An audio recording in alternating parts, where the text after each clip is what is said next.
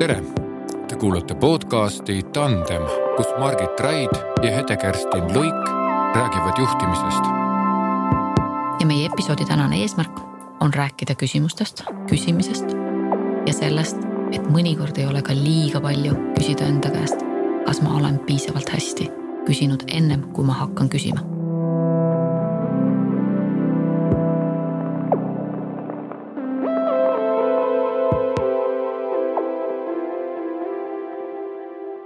Margit, sa tulid just ähm, ühest kohtumisest, äh, kus sa kohtusid tandemiga, et mis küsimusi sa sealt kaasa tõid? vähe sellest, ka eile oli mu silme ees tandem. ainult selle vahega, et eilne tandem ehk ähm,. vaata, aga nüüd on see koht, kuidas öelda, et mul oli eile tandem, kus äh, mees ja naine eh, mitte otseses alluvussuhtes leidnud projektipartnerluse läbi ühise eesmärgi. tohutult hästi mõistsid teineteist ja täiendasid teineteist. mis võikski olla hea tandemi koostööviis. aga mitte ainult, see on nagu see koht, kus kõik on ilus. aga tandemis ei pea kõik ilus olema. minu tänane tandem räägib teineteisest selja taga, kui üks läheb kööki sööma, siis teine paneb. kui teine räägib, tuleb tagasi, nad nagu teineteise ees julgevad teineteisele öelda, et tead, me oleme nagu me oleme teineteisega sõjajalal, sest me ei usu sellesse ühisesse ärikontseptsiooni, mis meil on. me oleme mõlemad omanikud. me mõlemad panustame, me oleme ennem jaganud, ennem kriisi jaganud ära vastutusvaldkonnad. üks vastutab ühe lõigu eest, teine vastutab teise lõigu eest. kõik toimis kuni kriisini. ja kriis viskas kõik sassi. vähe sellest kriis äratas nad endeid üles, sest nad ütlesid, et kõige hullem, mida nad praegult aru on saanud, et kui kriisi poleks tulnud, oleks nad sügiseni panustanud ja mõelnud kogu aeg, et läheb hästi ehk et kriis tõi ka selle nende tandemis olemise olemuse ja need küsimused, mida nad iseenda käest küsima peavad, kriis tõi selle ka lähemale. niimoodi kõrvaltvaataja pilguga neid äh, vaadates, et mis küsimused sinule sealt kõlama jäid? kas tõesti võib juhtuda, et meie senine kontseptsioon ja mina, kes ma olen üle kahekümne aasta olnud äris, eksisin kontseptsioonidega, oli ühe mehe küsimus ja teise mehe küsimus, kui ma küsisin tema käest, et äh, mängime, et sul on võluvits või kuldkala, kes ujus mööda ja ütleb, et täida sinu kolm soovi. mis on need kolm soovi? ta vaatab mulle kõhklematult otsa, ta ei ole rahvuselt eestlane, aga räägib äh, puiselt eesti keelt. et ma poleks seda kõike siin teinudki. siis on üks kolm sekundit vaikust ja siis ta ütleb. ma olen juba küll rääkinud, see teine soov ei tule ütlesin, see on kuldkala, tuleb. ja siis tuleb teine. mis ma peaks tegema, et mu äri oleks nina vee peal? ja kolmas, ütlen ei, kuule, ma olen juba kaks öelnud, kolmandat ma küll ei ütle. mis tas taga-sees mängis, on võib-olla ka see koht, et ma olen mees ja ma ei saa endale tunnistada, et mul on äh, küsimata küsimused. ma olen ja. kõva ärimees, mõistad? sellega ma haakun väga seda, seda ma näen nii sagedasti, seda seisundit, kus ähm, see sisemi-, ütleme siis nii, et väline enesekindlus on nii kõva, et sisemuses olevaid küsimusi ei julge ise kuulatagi. ja samas see turbulentne aeg sellel esimesel äh, tandemis osalenud härrasmehel oli nagu väga ausalt toonud välja küsimuse ma olen kakskümmend aastat õnnestunud, sest ma olen kuradi kontseptsiooniga inimene, ma tead, sa tead seda. Ja nüüd ma vaatan seda kontseptsiooni ja midagi ei mängi. lammutad, tee, mis tahad. ehk et saad aru, ta viskab kakskümmend aastat tehtud töö lihtsalt ühele paberile, ütleb, sa võid teha, mis sa tahad. see ei ole nüüd see koht, mis, mis rappa, aga, aga mõistad sa seda, noh, kui sa küsid, et Uku, et mis tüüpi küsimused mm? -hmm. millest me räägime? siis see, millest me täna räägime, räägime me küsimustest äris see on meie episoodi eesmärk. Julgeda küsimusi, julgeda rääkida üldse küsimisest. tähendab, te rääkisid äh, õudselt huvitavad lood, aga, aga kas see moraal on siis see, et need inimesed ei ole enda käest neid küsimusi ennem küsinud või? kõva häälega mitte. oma sisemine heitlus on meis kõigis, kas ma jõuan õigeks ajaks, kas ma saan, kas ma saan kõik äh, kas ma saan päeva jooksul kõik asjad, mis ma teha tahtsin, tehtud, kas mu äri tuleb plussi põmm,, põmm-põmm-põmm. hulk küsimusi, me ju elame küsimuste äris, küsimuste ajastul mm. -hmm. aga jah. tegelikult seal seda, et, et minu kliendid on natuke teise külje pealt, küll, küll teie kliendid, eks ole, või kellega te koos nagu töö, tööd teete. aga nad on äh, samamoodi ja minul on kõige paremad kliendid, need, kes lõpuks on hakanud küsimusi küsima ja nüüd ma saan nendega rääkida. et kas need on need küsimused, mis on jäänud küsimata või on need kuidagi mingid teised küsimused, millest, millest me siin täna räägime? ma ei saa, ma ei tõmbaks siin piiri vahele, et on sinu kliendid ja minu kliendid ja Hede kliendid.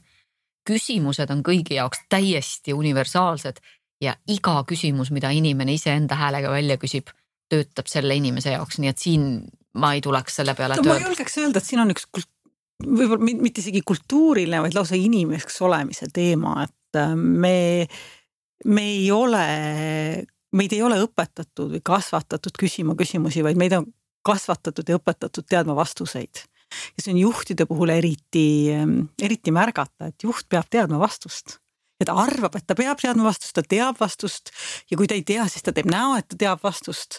et ähm, ja nad sageli satuvad hämmingusse, kui nad vastust ei tea, sest nad arvavad, et nad peavad seda teadma ja sealt tekib nende väikene kramp.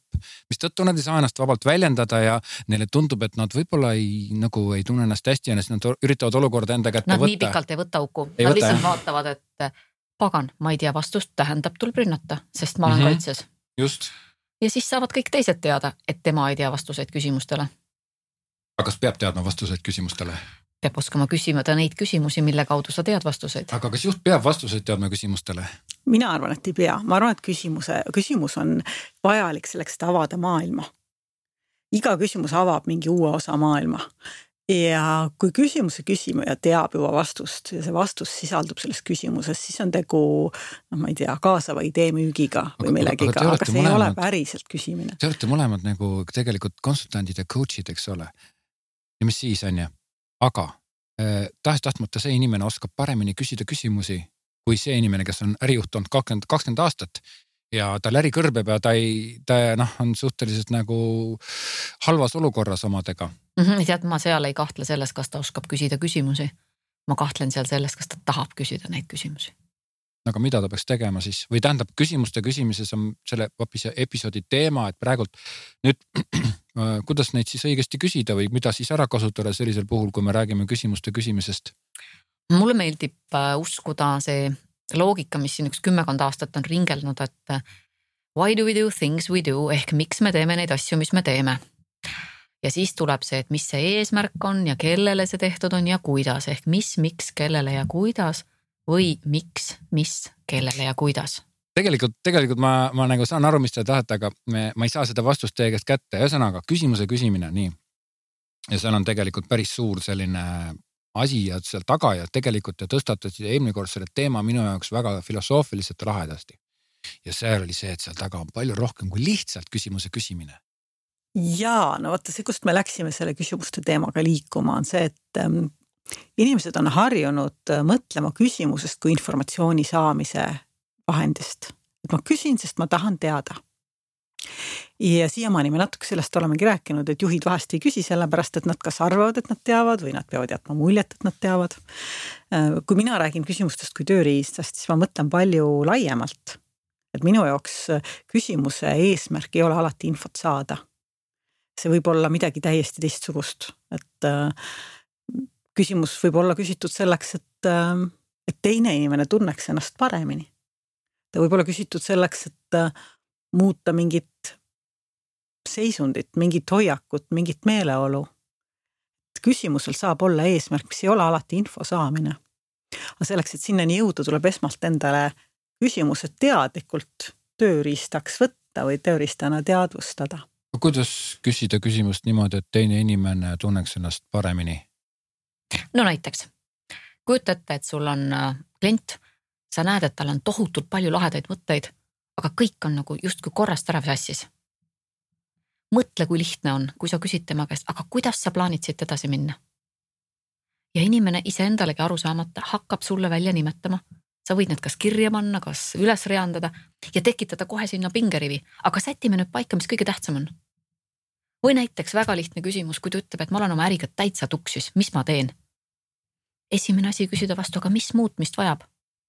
taaskord peab ta fokusseerima ja võtma, ütlema, näed, need on need asjad, mis mulle tundub. ja kui ta küsib vastu su käest, paranda mind, kui sa kuuled midagi veel või midagi tundub täiesti nõme, on juba heas mõttes äritandem ehk diaadiline käitumine ju käima läinud.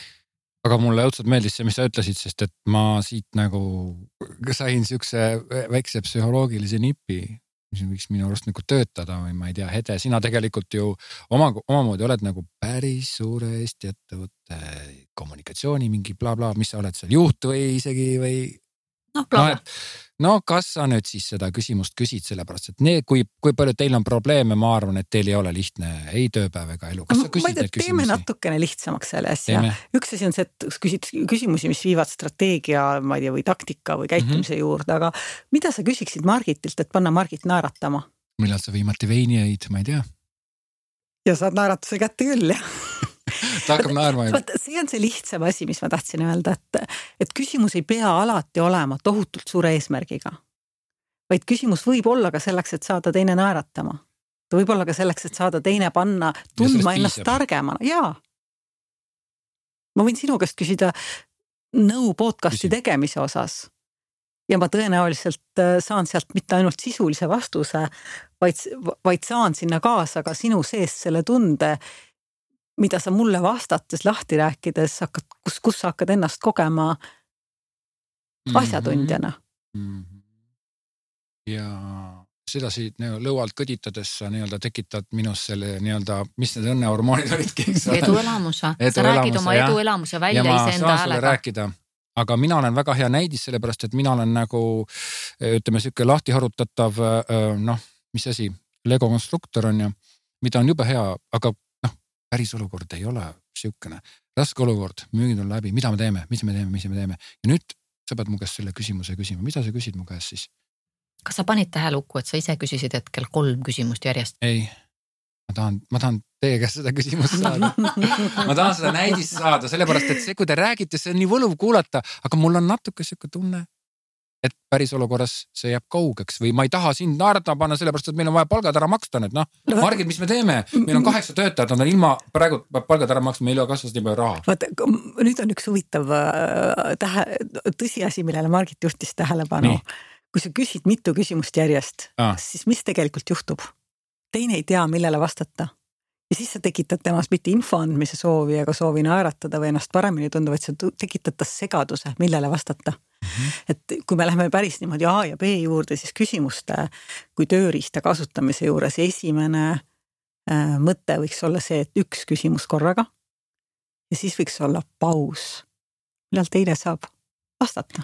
küsimus on dialoogis tööriist. kui sa paned kolm küsimust järjest, siis sa näitad välja enda meelsust mm. -hmm ahah, mida me teeme, mida me teeme, mida me teeme? noh no, aga, aga. kõik teavad, et hirm ei ole minu käes, vaid on sinu käes. küsi minu käest see küsimus, meil on, meil on sinuga Margit kahe peale firma, noh ei ole tegelikult, aga noh kujutame ette. nii, firma. mina olen mm,, sina oled äh, finants, ei, mina olen tegevjuht ja sina oled finantsjuht. sina tegeled rahadega ja sina küsid minu käest. sina oled tegevjuht. jah, kuidas sa küsid mu käest nüüd ja Mik... sa, sa oled väga mures, sellepärast teil pole palka maksta, sa Mik... vaatasid praegu. miks nii. meil kontol raha ei ole? no ma ei tea, sa ise tead väga hästi, et meil on sitad ajad praegult ja me ei ole. kuidas nagu... me kommunikeerime meeskonnale? et meil ei ole raha. no kuule, selles ei ole üldse ju küsimus, sellepärast et meil on vaja kõigepealt nagu pappi leida, mitte nagu kommunikeerida seda. tagasi esimese küsimuse juurde, miks meil kontol raha ei ole? sellepärast, et sa tead ise väga hästi, et meie müügid kukkusid ära peale seda, kui Covid hakkas. aga mis sa selleks teinud tagasi. oled? Noh, see. et olukorda parandada. me peame mõlemad selle jaoks midagi tegema, eks ole, et, et selles mõttes. aga mis siin praegu toimub, kas siin toimus praegu küsimus kui tööriist või siin toimus väike töine nihuke käimatõmbamine? mõnus, mõnus käimatõmbamine käis siin ja tegelikult noh, mis on, mis on minu sõnum, on see, et aga need asjad on hästi huvitavad, mida te räägite, aga kas nad päriselt ka niimoodi töötavad? kas sa ei pannud mind naerma praegult? oli see eesmärk? jah, sa ei tahtnud mind panna naerma, te ise ütlesite, et see on eesmärk ja sa, kuna meil on firmas on asjad nii pekkis, siis sa lihtsalt ei taha mind praegu naerma panna, sa küsisid pigem, pigem nagu ründasid mind, eks ole. ja, ja vaata, siin ongi see reaalsus, mis minu arust eristub teie sellest kaunist ideaalsest roosast, et aga esita küsimus niimoodi, et sinu, kellele see hakkaks naerma, aga miks ma pean teda naerma panema, kui meil on, võib-olla ma saan asjast valesti aru. tead, ega igas äris ei saagi naerma panna. aga mis on oluline?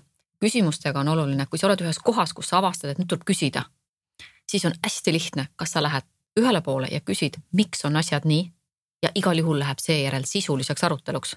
või sa lähed teisele poole ja küsid, kuidas me siit edasi saame, mis loob sulle teist kätt pretsedendi, ehk hakata mõtlema, kuidas me edasi lähme. miks läheb sissepoole, kuidas läheb väljapoole ehk edasi.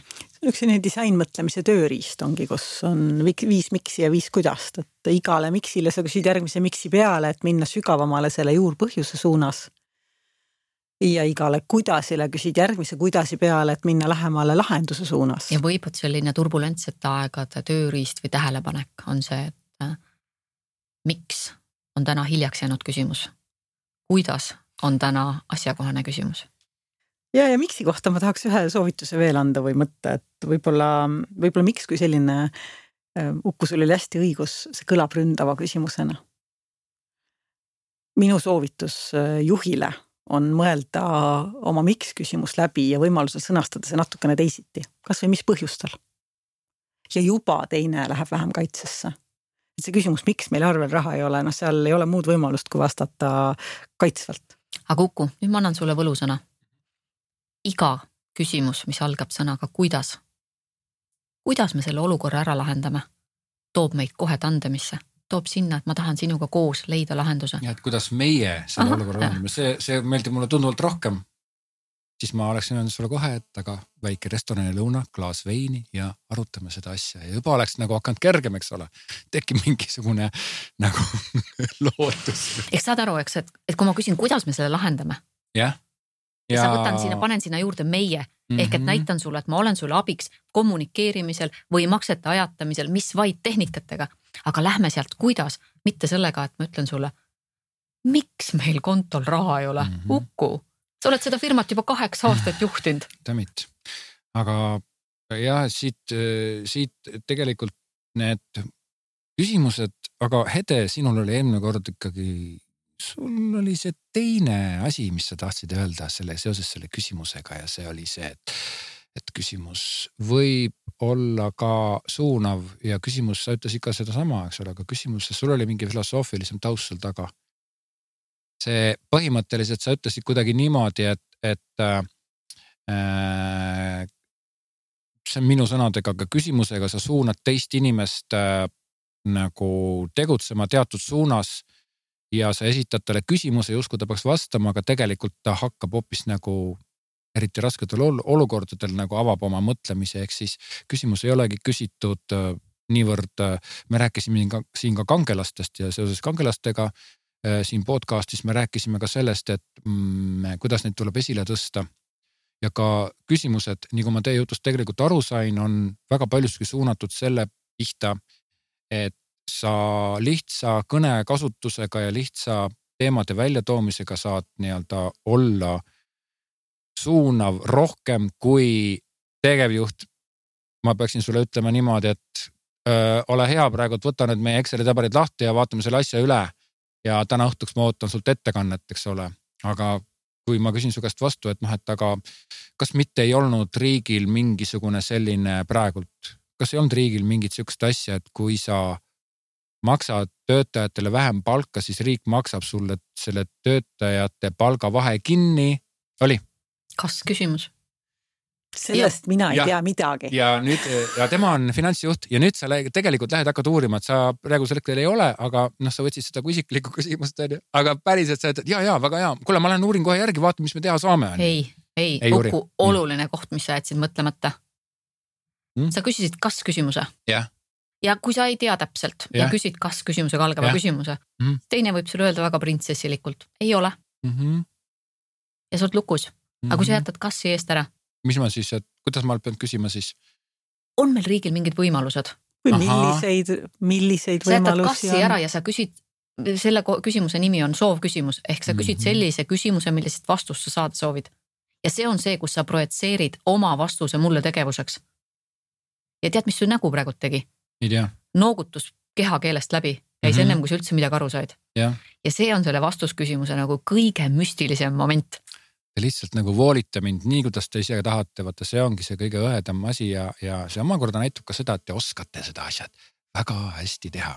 no vaata, Uku, hea küsimus äh, alati avab maailma, alati avab ja avardab ja loob võimalusi. Kui sa annad vastuse ette või sa annad selle jah-ei küsimusega kitsa niisuguse tee ette, siis sa sulged mingeid uksi ja aknaid ja sulgeid teid ja lahendusi ei teki. Et kui juht teab lahendust, siis ei ole teisel inimesel midagi muud teha, kui noogutada ja katsuda see juhi lahendus ellu viia. Mm.. aga kui juht hakkab küsima küsimusi, siis, siis ta avardab teiste inimeste võimekuse enda ja ettevõtte kasutusse. ja vähe sellest, kui juht hakkab küsima küsimusi, siis on ka väga oluline vaadata, kuidas tema meeskond hakkab talle vastama. sest nendest vastustest ja sellest, kuidas neid küsimusi vastu võetakse, võib väga hästi välja lugeda organisatsiooni kultuuri. see organisatsiooni kultuuri teema on, on hea küsimus, et äh, mul on praegu äh, mitmed inimesed on toonud lauda selle, et äh,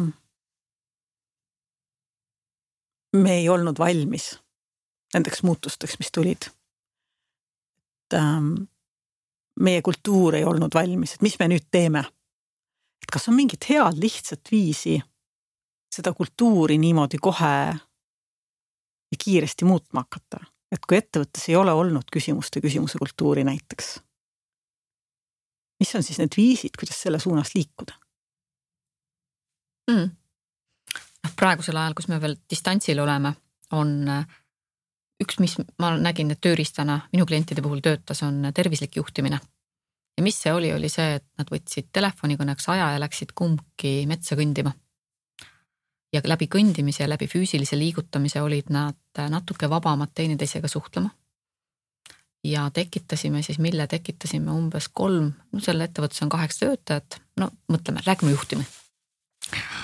ettevõttes on kaheksa töötajat, on jaanuarikuu mm,. omanik defineerib, et ma olen näljasem kui see, mida minu ettevõte mulle hetkel toodab. meeskond vaatab teda kahtleva pilguga sa oled kakskümmend seitse aastat seda äri juhtinud. nüüd sa käid ülikoolis. võib juhtuda, et sul lihtsalt on ülikool pähe löönud, võib juhtuda, et saabub kevad või mis, mille, mille ehk et äkki läheb mööda. vaatavad, meeskond vaatab, äkki läheb mööda. Järgmine nädal juht ütleb, et ähm, on olnud aega lahendusi mõelda. aga väga selgelt ei ole ka küsitud, mida siis lahendada tuli ja siis, mis juht tegi, oli see, et äh, esiteks see juht kutsus ellu kolmapäevadel ettevõtte ühise lõuna. kus iga kolmapäev ta pakkus välja, et aga hakkame süüa tegema, hakkame söögilaua taga arutlema. ja läbi söögi tegemise kultuuri hakkas ta vaikselt oma ettevõtte ärifilosoofiat lahti rääkima. Sinna juurde läksid ka sellised asjad, et teadlikult suunas ta näiteks ühe kellegi teisega minema toidu järgi, et nad saaksid tee peal rääkida kolmandal korral ütles ettevõtte finantsjuht, et kuulge, mina teen järgmine kolmapäev söögi. pärast tuli välja, tal on sellel kolmapäeval sünnipäev. ehk nad võtsid selle kultuuri omaks ja läbi söögi tegemise julgesid nad rääkida nendest asjadest, mis see omaniku ootus siis on või mis, millega see rahulolu komponent ei tule. Nüüd, kui mindi distantsi peale, siis nad võtsid tervislikku juhtimist sellega, et nad lihtsalt kõndisid kumbki. võtsid telko, võtsime telko kõrvale ja katsusime telko ajal esitada neid ebamugavaid küsimusi, kus kumbki füüsilist tegevust koos hoides andis äh, teineteisele rohkem ruumi nende ebamugavate küsimustega hakkama saada. ja siis tuli Bauhti kriis, noh, nii-öelda kriis sisse. käive kukkus üle seitsmekümne protsendi. Aga nad olid selleks kaks kuud jaanuarist saati ette valmistunud. nüüd esmaspäeval, kuna kolmapäevad tõsteti esmaspäevaks nüüd on neil järgmise nädala kohtumine, kus nad tahavad rääkida eduolemustest, kuidas nad kriisi vastu võtsid. ja kus on need momendid, millega nad hakkasid tegelema ennem, kui nad oleks Bauhti kriisis avastanud, et mis me nüüd teeme. ja kõik vaatavad juhile otsa, mis me nüüd teeme, mis meist nüüd saab?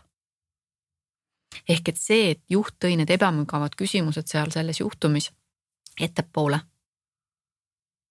tundudes ise võib-olla mõne narrikaardiga pihta saavat. Ta elas selle üle, ta võttis seda kui normaalset arengut, ta ei pannud pahaks, et temale vastu küsiti selliseid küsimusi, mis võib-olla olid äh, mittesobivad, aga mu meelest ei ole äri või kuulge, tegelikult küsimus, et kas äris on mittesobivaid küsimusi? Mm? -mm, minu arust ei ole, sest mina, ma arvan, et kui inimesed ei julge küsimusi küsida ja see on mul ka näiteks loengus ja ma olen ka väga palju näinud ma olen ilmselt ka veel teistmoodi karakter, aga ma olen nii palju näinud neid kohti, kus lihtsalt tahaks inimeste juurde minna, neid raputada. miks nad ei julge mitte midagi küsida, et no, et kui, aga, aga see põhjus on nimelt selles, et esiteks aga kui tegevjuht äh, pärast kutsub mind nagu vaibale, ütleb, et kuule, et sa küsisid meie avalikul koosolekul nüüd sellise küsimuse, et mis sa sellega nagu öelda nüüd tahad et.... aga miks sa arvad, et see tavaline ei ole? Miks sa arvad, et ei kutsuta pärast välja ja öelda, et mida sa laiad koosolekutel selliste küsimustega? jah, ja see on täpselt see asi, mida inimesed kardavad. ja sellepärast ei küsitagi, et see näitab ka seda nagu, ma, ma ei tea, kas küsitakse, ma ei ole ju kõikides firmades olnud, eks ole. ma olen ainult väga vähestes olnud, et, et see, kui julgetakse küsimusi küsida, see on minu meelest väga okei okay.. või? mul lihtsalt tuli meelde üks ettevõte, üks ammusest ajast teenindatud ettevõte, kus sellel ühe inimese selline narratiivne nimi saigi olema Sitting Silence ehk istuv vaikus. jah. sellena ma tunnen hetkel ennast, istuv vaikus ma lihtsalt jäin mõtlema selle sinu äh, toodud case'i üle, et ähm,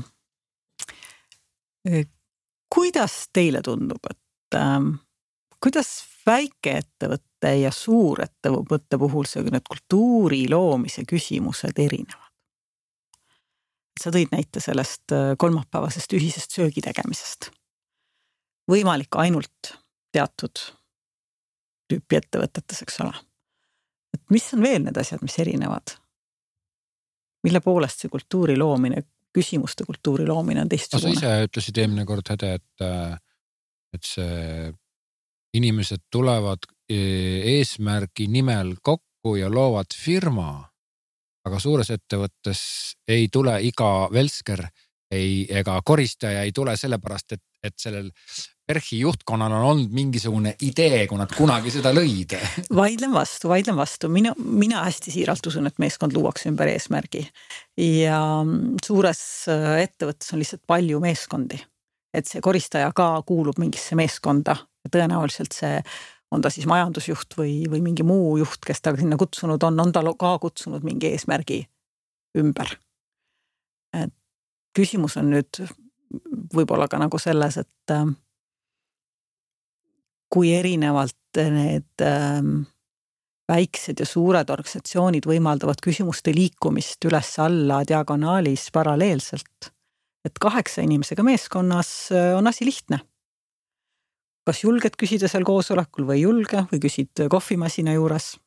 sul on võimalus, sul on kontakt igaühega. aga kui sul ei ole mitte kaheksa, vaid on kaheksasada või kasvõi sada kaheksakümmend või tuhat kaheksasada, siis ähm, üks juhtimiskunsti võlusid on ju igal tasandil neid küsimusi ähm, ärgitada sellisel viisil, mis viib edasi, aga mitte sellisel viisil, mis tõmbab tagasi sest äh, osa küsimusi võib olla ka eesmärgi suunas liikumise suhtes äh, täiesti kasutud.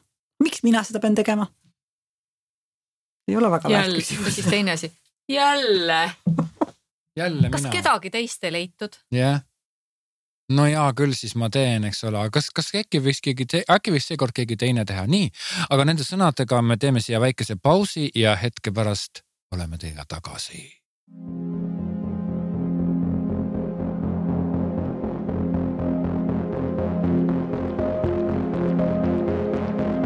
Vähe sellest ja vähe sellest ja vähe sellest. kui juht hakkab küsima küsimusi, siis on ka väga oluline vaadata, kuidas tema meeskond hakkab talle vastama.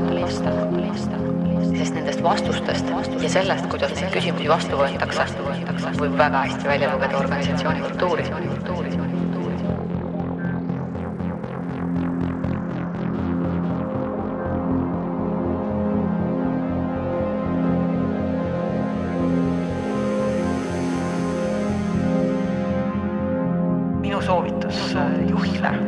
Mõelda oma miks küsimus läbi ja võimalusel sõnastada see natukene teisi, natukene teisi, natukene teisi.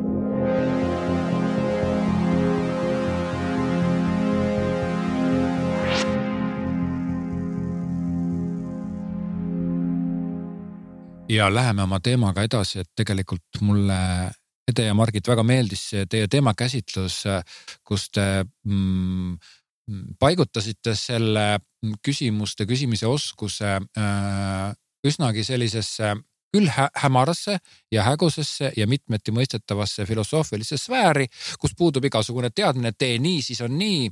aga, aga, aga samas te andsite sellega vaidlen vastu. oota, oota, te andsite läbi selle väga palju huvitavat nii-öelda teadmist, et kuidas küsimuste küsimine saab olla sulle abiks ja kuidas küsimuste küsimus, küsimiste küsimuse kunst suunab ettevõtte asju, eks ole.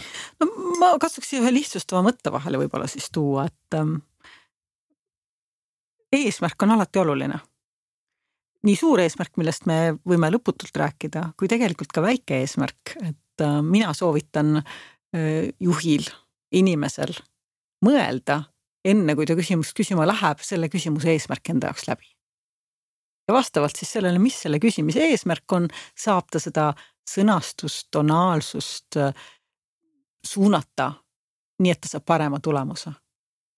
ehk siis võta paus enne kui küsid, küsi endalt, miks sa küsid ja küsimus tuleb palju parem. ja mul on kuidagi väga hästi selle soovitusega, et aga kas sa pingutasid piisavalt ehk teisisõnu, ma arvan, et kõigil meil on praegult õigus küsida. On õigus endalt küsida, et kas ma küsin piisavalt. kui ma olen näiteks seesama üksuse juht ja üksuses on kaheksa inimest, kümme inimest, kes omakorda on veel kaheksasada ja tuhat kaheksasada välja, siis kui võib-olla minu käest ei küsita nii palju, siis ma arvan, et alati on endale kontrollküsimus, kas ma küsin teistelt piisavalt avatud küsimusi, suletud küsimusi, juhtivaid küsimusi või võimestavaid küsimusi või neid samasid ilustavaid ja tuju heaks tegevaid küsimusi. Miks öeldakse, et miks on sellel ajal taas tulevad mängu muuseas kiire ja tähtis, eks. et miks sellel ajal, kui ei ole kiire, on tähtis tegeleda empaatiaga. ja see, see on selleks, et kui on kiire ja tähtis koos, siis empaatia kannab välja ka kõige ebamugavamad küsimused. on, on teil mingisuguseid ettepanekuid, kuidas tuua siia teemasse tandem? küsisin õigesti, on ju? on teil mingeid ettepanekuid? ma kuulen sinust muutust, muidugi on no räägi Mhm. siis äh,, ma ei tea, on No, sul, on no. sul aimu, kuidas seda võiks välja tuua, seda mul teemat on? mul on kohe üks mõte, mis mul tegelikult tekkis juba enne, kui sa Uku küsida Noh. jõudsid ja see mõte on see, et ähm, juhi jaoks refleksiooniaeg on hästi-hästi oluline, ehk siis korra tagasi mõelda. ja üks äh, asi, millele võiks mõelda, on see, et äh, mida ma küsimata jätsin. millised küsimused, kui ma neid oleks õigel ajal küsinud, oleks aidanud mul seda olukorda, mis praegu on või selja taga on, paremini lahendada. ja nüüd siit hüppe tandemisse tandem teeb selle ju oluliselt lihtsamaks, sest siis sa võid küsida teiselt, ma küsin, võin küsida Margitilt, kuule Margit, mis sa, mis ma sinu meelest olen küsimata jätnud viimasel nädalal? ja mis seal salata, Hede, me oleme rohkem kui kümme aastat olnud ärisõbrad ja kui tihti juhtub seda, et kui on keeruline olukord, siis sa helistadki ainult selleks, et reflekteerida. ja siis muuseas tuleb mõnikord isegi sinult endalt see küsimus, oi pagan, aga selle ma jätsin küsimata. ehk kui sa räägid selle juhtumi kellelegi teisele lahti, siis sa kuuled neid kohti, kus sa jätsid midagi tegemata. ja sa oled kohe palju lähemal sinnapoole, et öelda vau, vau, vau, vau ehk mõnikord lihtsalt seesama noogutamine, mida sa ka Uku muuseas palju meisterlikumalt valdad kui ennem tänast episoodi, ma õppisin nii palju täna. siis äh, see on see moment, et, et sa kuuled enda kõneledes, aa, selle ma jätsin küsimata, kuule selle jätsin ah,, aga see, see ehk mõnikord ongi, tee nüüd siia stopp ja pane kirja need taipamised, mida sa isegi ei pea minuga jagama. endas vastuste kuulmine, endas küsimuste kuulmine, see on see koht, kus tandem tuleb hästi abiks, et sul on see sein, kelle vastu rääkida Mhm. nii-öelda. või siis teine, mis on äh, väga oluline tandemi puhul eh,. lase lahti mõttest, et sa pead kõike üksi tegema. publik, sihtrühm, kliendid väärtustavad väga palju paremini ettevalmistatud mis iganes projekte, ettepanekuid, pitch'e hästi nõus ja ja mida varem sa hakkad ette valmistama, seda rohkem on tõenäosus, et sa ei tee seda üksinda, vaid sa teed seda kellegiga pingpongides. ja seda pingpongi väärtust tajub sihtrühm väga kiiresti ära. väga selgelt on aru saada, kas sa oled kellegagi koos ettevalmistuse teinud. toonud need küsimused ettepoole või kuuled neid küsimusi siis, kui sa seda pitch'i tegema lähed. Ja pitch'i tegema minnes üks hea viis on see, et sa alati mõtled läbi ka kõik need võimalikud küsimused ja, ja vastuvaidlemise kohad, eks ole, mis seal tulla võivad. ja läbi küsimuste jälle oled jupikene maad edasi, kui päriselt see olukord ette tuleb. vot ja, aga siin mul tekkis nagu see küsimus, ma sind kuulata seda tekkis see küsimus, et mis siis, kui see küsimus teiselt inimeselt saab liiga ründav. ja ma mõtlesin meie ühise ärisõbra peale, kes on päris suur ja kõmiseva häälega jaa, vot eks see on ju üks see küsimuste küsimuse kunst, et äh, kellele minna, millisel viisil, et ähm, ründav, vahest võib ka nagu pisikene terav naasker väga ründav olla, et ei peagi väga suur ja kõmiseva häälega olema, mõni inimene võtab ründamise hästi vastu. mõnda see käivitab.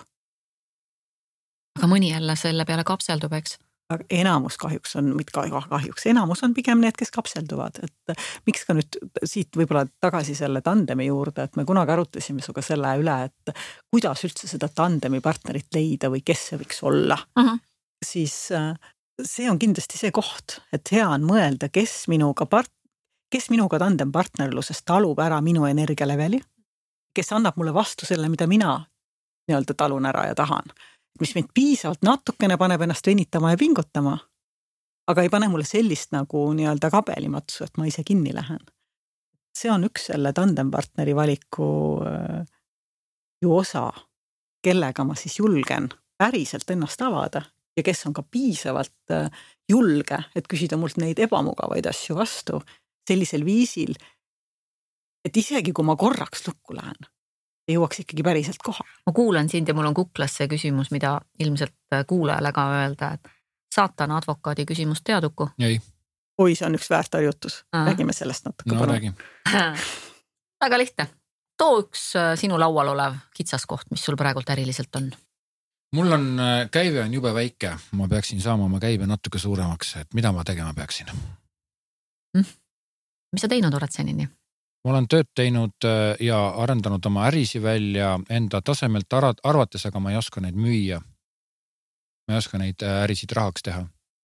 ütlesid, et enda tasemelt mm? -hmm no selles mõttes ma ei ole eriti teisi kaasanud, et ma olen ise teinud, ma olen küll püüdnud teisi kaasata, aga teised ei taha sellega kaasa tulla, need ei ja ma olen siis loobunud ja siis? ja siis ma olen oma selle nii-öelda asja otsas, et mida ma endiselt lahendan. Ja siis? ja siis ma leidsin, et tegelikult oleks jube lahe, kui sa lõpetaksid selle küsimise ja siis, et ma arvan, et ma sain su point'ist juba aru, onju. et ma nagu räägin sulle kõik ära, onju. isegi jaa, et see saatana advokaadi küsimus on see, et inimene tuleb, räägib midagi, mida ta arvab, et ta on teinud kõik õigesti või hästi või selgesti. ja siis tuleb see absoluutselt ebamugav küsimus.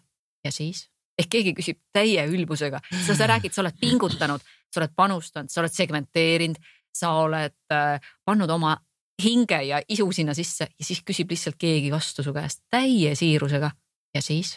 no see on nagu Hannes Võrno, kes ütleb, et no räägi, mis siis juhtus, eks ole, ja siis inimene joodik räägib poe taga ära, kuidas ta nägi ufot onju jaa, no sellel saatan advokaadil on ju nagu erinevaid rakendusviise ja üks väga tõhus viis, äh, kuidas me seda päris sageli kasutame, on see, et me tiimis äh, annamegi kellelegi selle rolli, et noh, kõik on teadlikud, et praeguses harjutuses tema kannab seda saatan advokaadi rolli.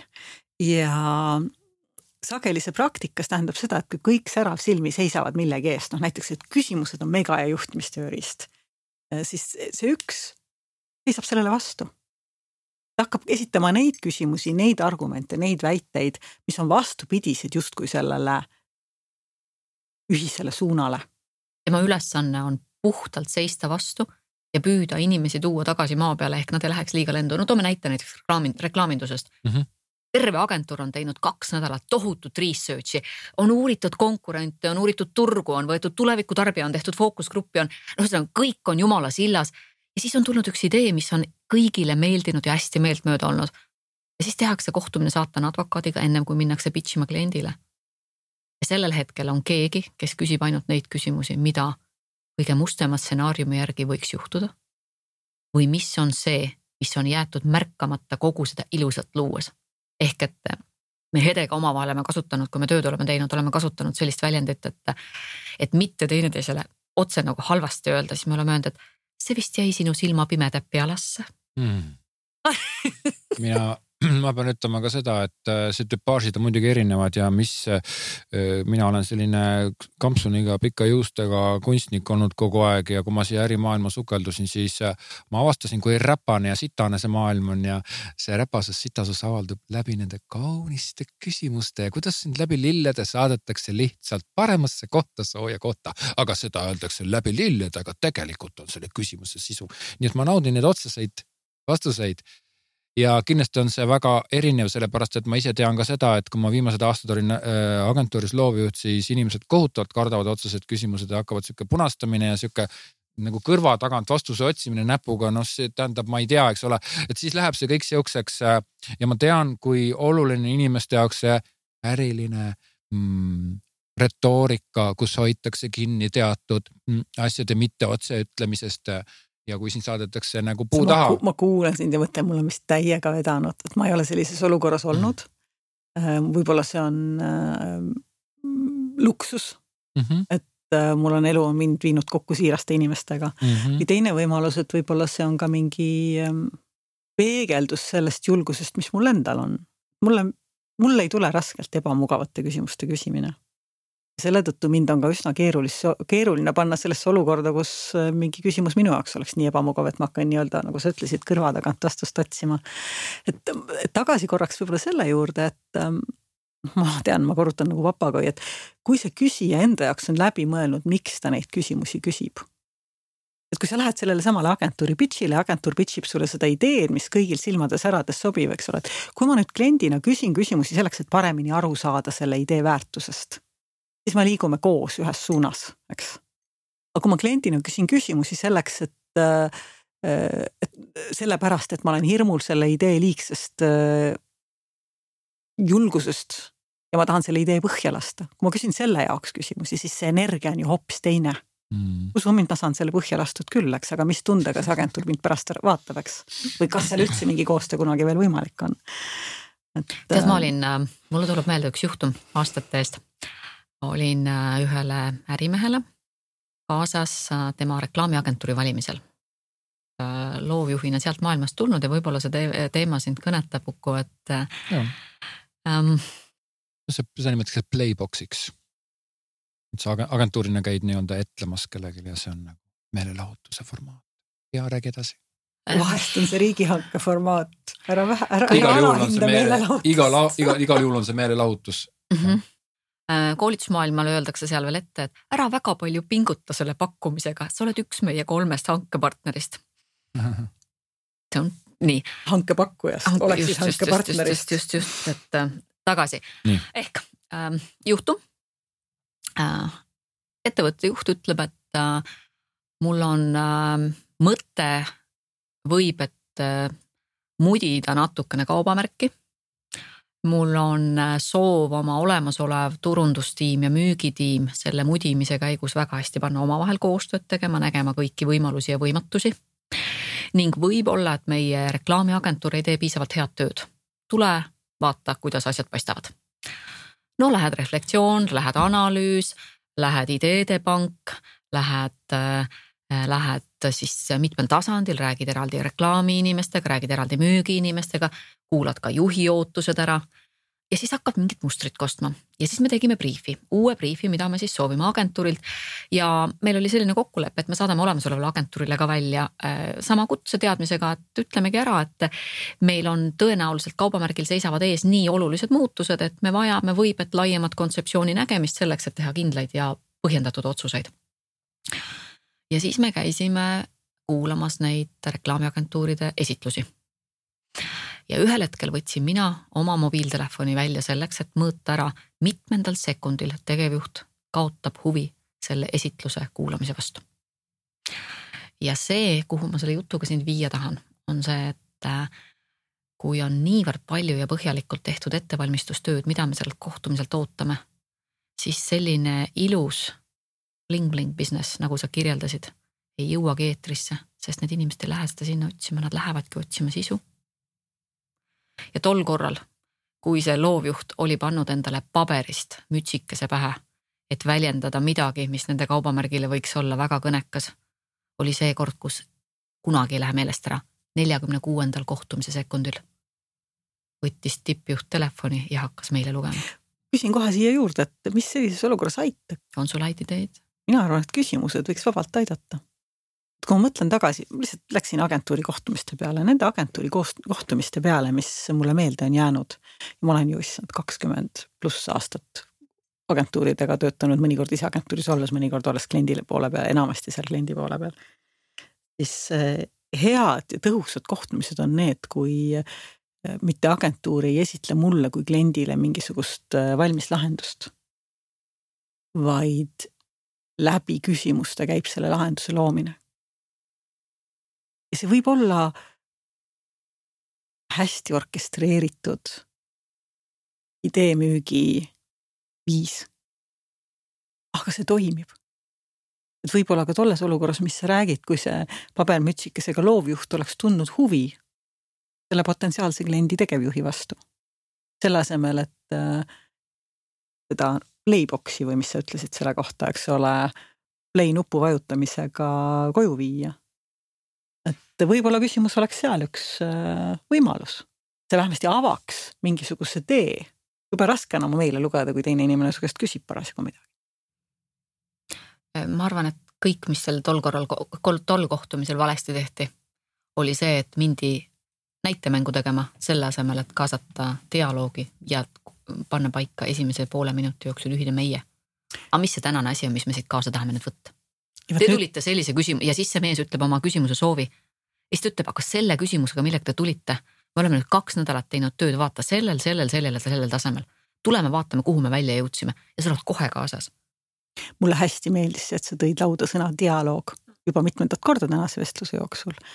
dialoog ju toobki mõtte selleni, et mis üldse on kommunikatsioon. Kommunikatsioon on suhtlus, suhtlus eri osapoolte vahel, et seal on sõnum, on mõistmine, on tagasiside, on selle mõistmine ja sealt kasvab mingisugune uus teadmine. ja see on see peamine põhjus, miks küsimused on lihtsalt nii äge juhtimisinstrument, et küsimused võimaldavad kommunikatsiooni voolamist sul on õigus Uku, mis see jutt sinule nüüd tegi?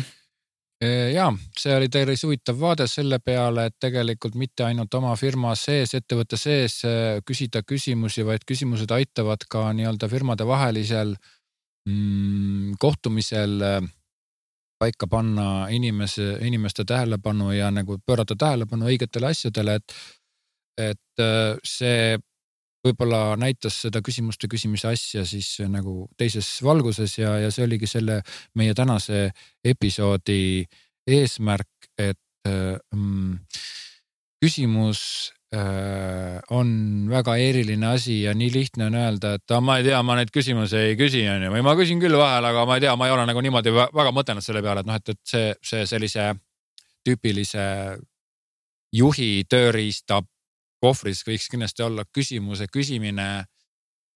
ma pean tunnistama, et ma ei oska nii peenelt mõtelda, nagu teie seda küsimust nagu vormistate, aga ma sain siit jõle palju nagu tarkust juurde ja ma arvan, et ma hakkan seda tööriista endas, enda ka isiklikus töös tulevikus kasutama rohkem. nii et ärge siis ehmatage, kui ma küsin teie käest küsimusi, mis ei hakka sõnaga kas, vaid hakkab kuidagi teistmoodi. vaata, me Edega oleme mõelnud, et mis selle meie podcast imise ja nende episoodide nagu kandev mõte võiks olla. siis me oleme ikka tahtnud uskuda, et siin on mingi õpiamps ka sees. ja mis see on siis? Hede, mis on meie tänase episoodi õpiamps? küsimused on hea tööriist ja neid on, see on väga mitmekülgne tööriist. kui enda käest hakata küsimuste kohta küsimusi küsima, siis saab teistelt küsida palju paremaid ja õigemaid küsimusi, mis viivad sind eesmärgile lähemale